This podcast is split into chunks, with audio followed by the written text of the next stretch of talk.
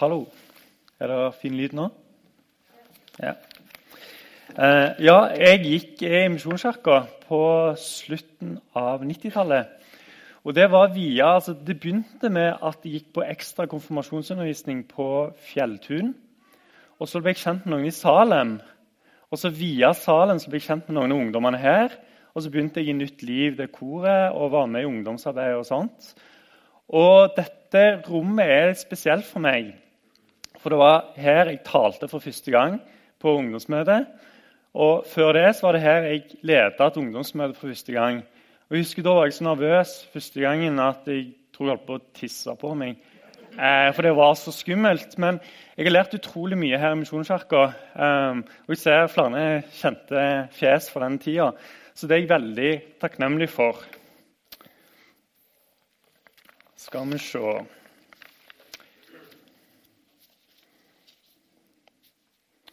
Søndagens tekst skal vi si. Kan du si, dere har jo fått, Jeg må bare tenke om jeg skulle si mer om meg sjøl. Um, jeg er fra Randaberg. Jeg er 38 år. Uh, jeg tror det meste er sagt. Ja, Da, da er vi klare for ordet. Ja. Det står skrevet i Markus 2, 23-28. En gang Jesus gikk langs med kornåkrene på sabbaten, begynte disiplene å plukke aks der de gikk. Da, da sa fariseerne til ham, 'Se der, hvorfor gjør de det som ikke er tillatt på sabbaten?' Han svarte, 'Har dere aldri lest hva David gjorde den gang han var i nød, og både han og mennene hans sultet?' Han gikk inn i Guds hus den gang var det Abiatar som var øverste prest, og spiste skuebrødene som ingen annen enn presten hadde lov til å spise. Han ga også til dem som var med ham. Og Jesus sa til dem.: Sabbaten ble til for mennesket, ikke mennesket for sabbaten. Derfor er menneskesønnen herre også over sabbaten. Jeg gjentar Sabbaten ble til for mennesket, ikke mennesket for sabbaten. Det kan virke som Jesus og følgerne hans, disiplene hans var under nøye observasjon av disse, skrift, disse fariseerne.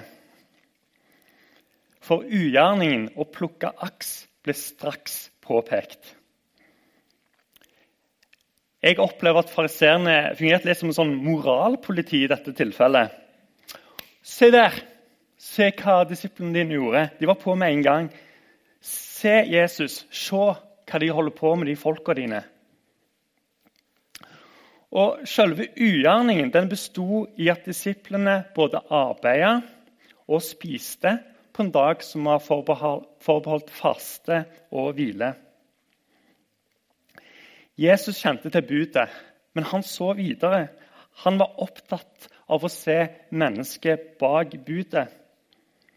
Han var opptatt av budets gode hensikt å beskytte mennesker. Jesus korrigerte dem. Han viste til Skriften, og han viste til seg sjøl. Han sa at det skal være til beste for menneskene. Jeg har tenkt at et viktig spørsmål er skal kristen tro først og fremst assosieres med moralske tvangstrøyer og, og uforståelige bud og regler og påbud?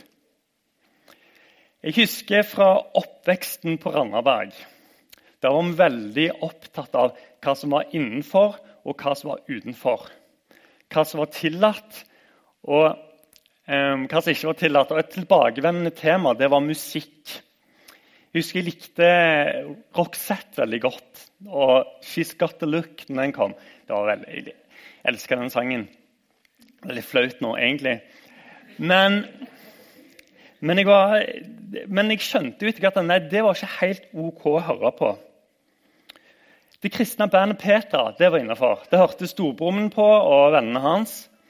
Men det var ikke alle som mente at det heller var innenfor. For det var litt mye instrumenter, litt for mye trommer og litt for mye greier. Kan du tenke deg, Dette var på tidlig 90-tallet. Noen syntes det var problematisk, til og med med Petra. Og U2, da, favorittbandet mitt Jeg husker jeg holdt på, jeg hadde en sånn indre dialog om at ja, men de synger jo om Jesus. Ja, for Hvis du leter godt, så finner du ting om Jesus. Og så er det veldig fin musikk, så det holdt jeg fast til. Så jeg måtte liksom gi disse normene litt sånn motstand. Og Bon Jovi det var litt mer problematisk, kjente jeg. Men de hadde jo en sang om tro. Du brukte iallfall ordet 'faith' og 'living on a prayer' eller noe sånt, og leve på en bønn. Og da var det liksom innafor. Men det var, det var, veldig mange som gikk med pransen så de skrev Metallica eller Guns N' Roses. Og Det hadde jeg egentlig lyst til å høre på. Det virka spennende. De to bandene var skikkelig populære. I fall på ranslene. Men det var ikke greit. Det var Bon Jovi akkurat på innsida. Guns N' Roses og Metallica absolutt ikke greit. Det var min opplevelse. Så er det sabbaten da, som er temaet i dag. Sabbaten og hvile og det gode i å ha en annerledes dag. Mange forbinder sabbaten med det du har lov til å gjøre, og det du ikke har lov til å gjøre. Og hva som er innafor og utafor. Jesus åpner opp en gave for oss når han sier at sabbaten ble til for mennesker. Og gaven som sabbaten har, det er hvile. Og en hel dag med hvile. For på seks dager laga Gud himmel og jorden. Men på den sjuende dagen så hvilte Gud. Hvile er en stor del av skapelsen. En syvendedel, faktisk. Så hvorfor hvilte Gud på den syvende dagen? Det var ikke fordi at Gud trengte å hvile. Det tror jeg ikke.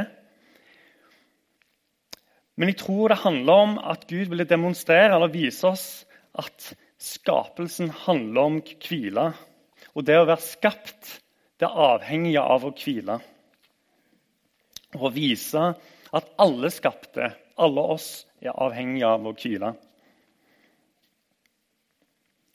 Poenget er ikke om denne hvilen akkurat skjer på søndagen men det er at den skjer, og gjerne i en fast rytme. For det var det som var poenget med sabbaten. Den representerer en fast rytme. Jødene vet at dagen kommer fast hver uke. Og de tar en helt fullstendig timeout for hverdagen. Det er et brudd. Nå er det sabbat. Nå er det andre spilleregler.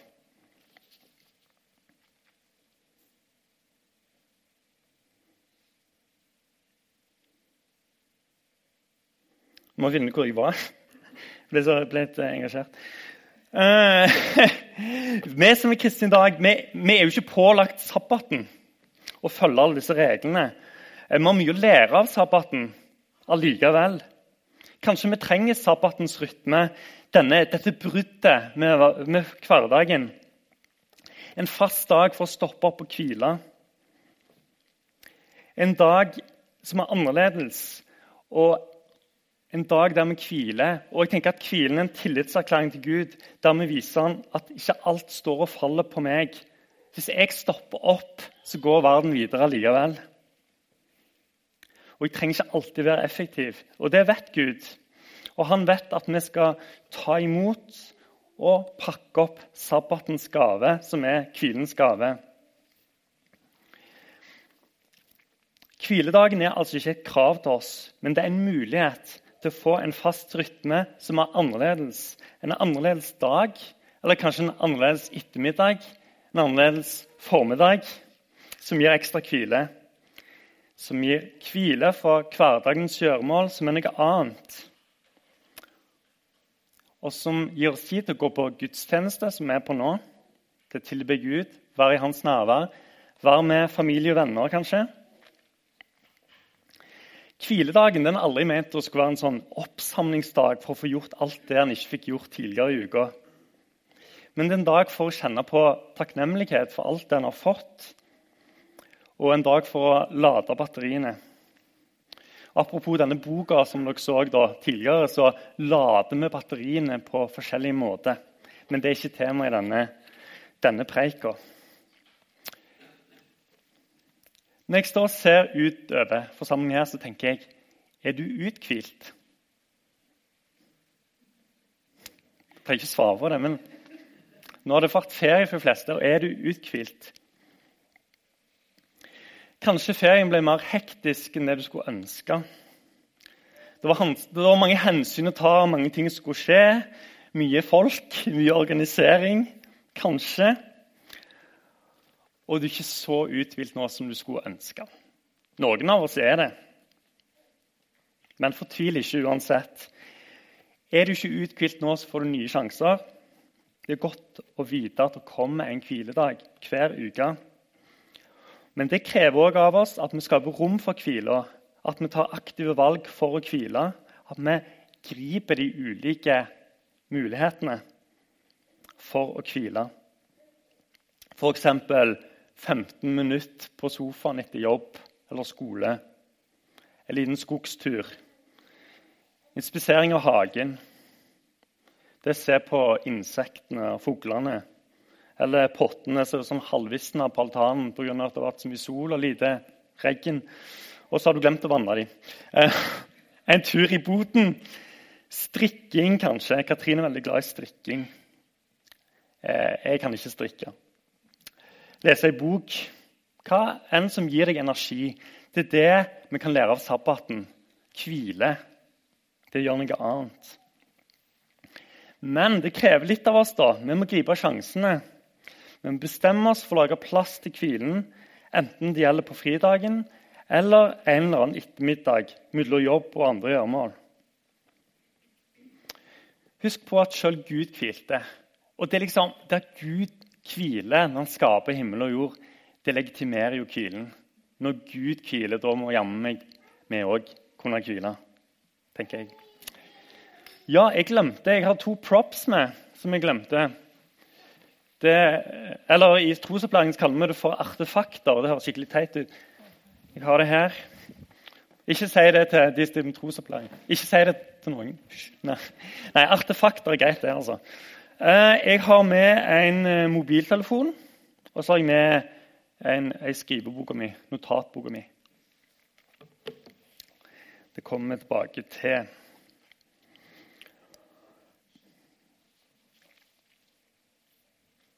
Ja. Skriveboka den forbinder jeg med hvile. Mobilen den forbinder jeg absolutt ikke med hvilen. Du tenker litt på hvordan det er for deg. Hva du forbinder mobilen med, f.eks.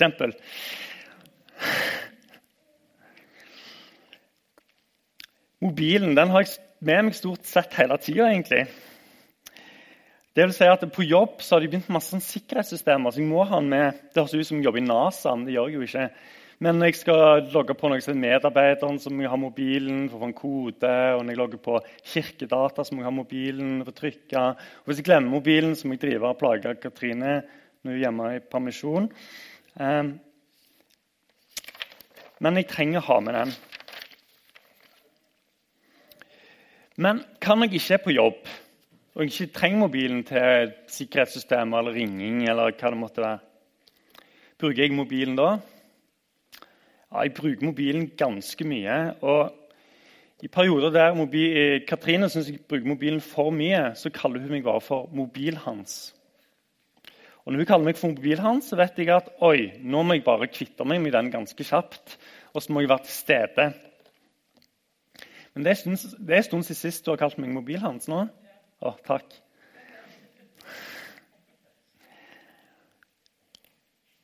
Altså, Jeg bruker mobilen òg når jeg har fritid. Og selv om alle med småbarn kanskje spesielt vet at fritida er knapp, og disse lommene der du kan ha alenetid eller hva du ønsker å drive på med, den er ganske knapp mellom slagene. Men allikevel så bruker jeg utrolig mye tid på f.eks. Facebook det er kanskje det jeg er mest på. Og Instagram på mobilen. Og det er faktisk sånn at jeg i perioder sletter appen, Facebook-appen. Nå gir jeg dere noen sånne hemmeligheter. Det er litt flaut. men For at jeg da skal gå mindre inn på Facebook. For det ligger liksom sånn automatisk. inn og sjekke på Facebook. For da må jeg inn på nettleseren, og så tar det lengre tid og mer komplisert. Så Det er et triks. Og Da får jeg heller ikke sånne push-varsler sånn som popper opp hver gang det skjer noe på Facebook. For det kan virke stressende. Det kan du slå av, men Mobilen. Jeg må erkjenne for meg sjøl, foran dere, at jeg er avhengig av mobil. Og Hvis vi hadde hatt en statistikk her på skjermen, eh, helt sånn reell statistikk over hvor mange ganger i løpet av dagen jeg tar opp mobilen jeg skal bare sjekke, og jeg tenker ikke, Det er ikke sånn at jeg har en sånn bevisst tanke engang. Jeg bare gjør det. Det ligger liksom inni eh, trospraksisen min. inni, altså, det er kroppsliggjort. Det å ta opp mobilen og sjekke. Så hadde den statistikken sett ganske eh, stygg ut, tror jeg. Og jeg tror jeg hadde blitt sjokkert sjøl, og dere hadde blitt sjokkert, kanskje dere òg. Helt til dere hadde sett deres egen statistikk, kanskje. Nei.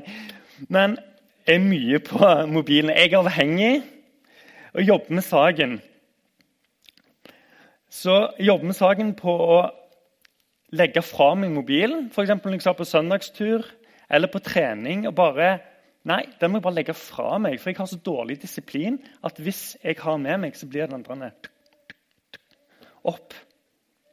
Så kanskje bare legge den i et annet rom. Mobilen symboliserer altså alt annet enn hvile for meg. Og Hvis jeg skal ha hvile, så må jeg ha mobilfri. Så notatboka, da. Den symboliserer hvile. Men den bruker jeg langt sjeldnere. Selv om jeg sitter, når jeg sitter og noterer i den tanker eller ideer og skribler eller hva jeg holder på med, så opplever jeg at åh, jeg når litt sånn i dybden av meg sjøl og får kobla ut og kjenne at jeg lever. og ja, hvis jeg ikke er for stressa, da, da er det litt vanskelig å kjenne på den følelsen. Men det henger sammen. Kanskje denne er litt sånn stressbefengt for meg. Så vi trenger mindre av den. Vi trenger mer av denne her.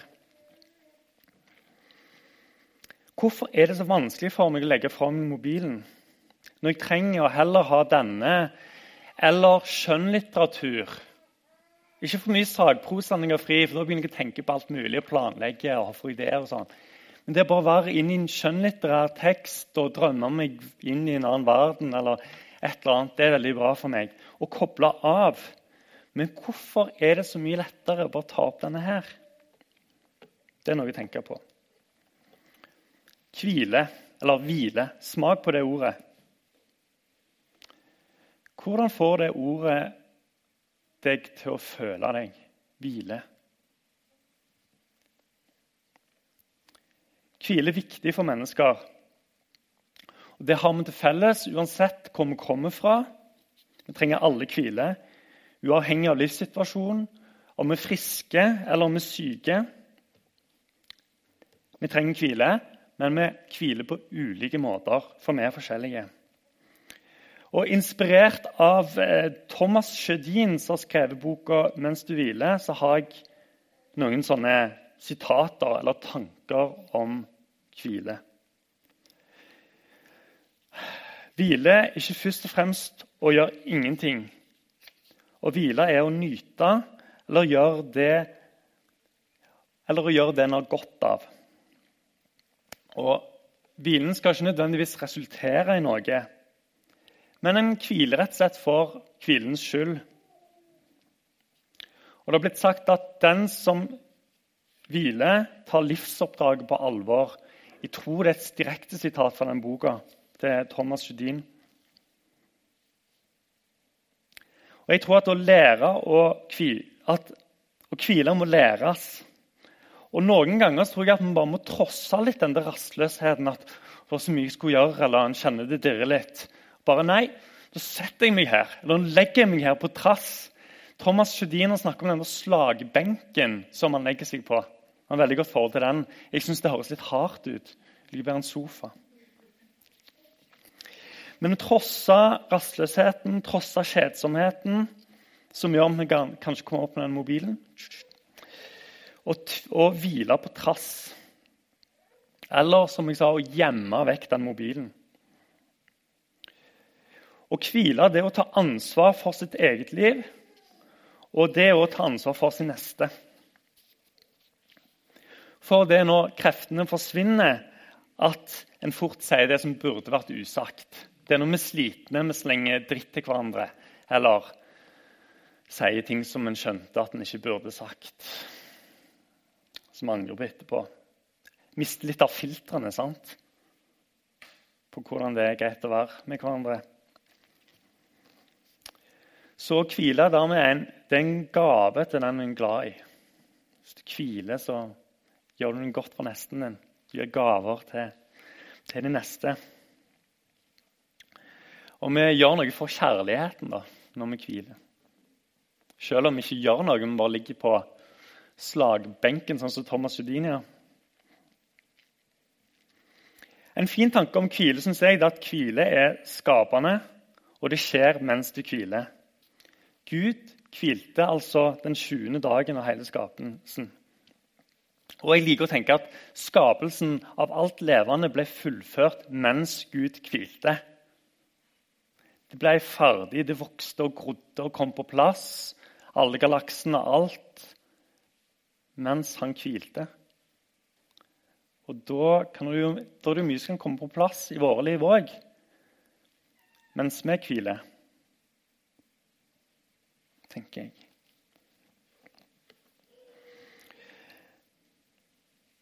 Det kan virke som det er en iboende motstand i oss mot å hvile. For min del, jeg har jo sagt det noen ganger, det er mobilen. Lett sitte med den. Hvorfor sitter det så langt inne å prioritere å hvile? Grunnen kan være at det er lettere å bli umiddelbart tilfredsstilt når du ser på Dagsrevyen eller et eller annet på skjerm på TV eller på mobilen når du surfer ser på likes. Det gir en god følelse med en gang. Får masse likes på sosiale medier. Og så tror jeg det handler noe om at vi mennesker liker å være flinke. Vi liker å gjøre oss fortjent. Vi liker å kjenne at vi er til nytte.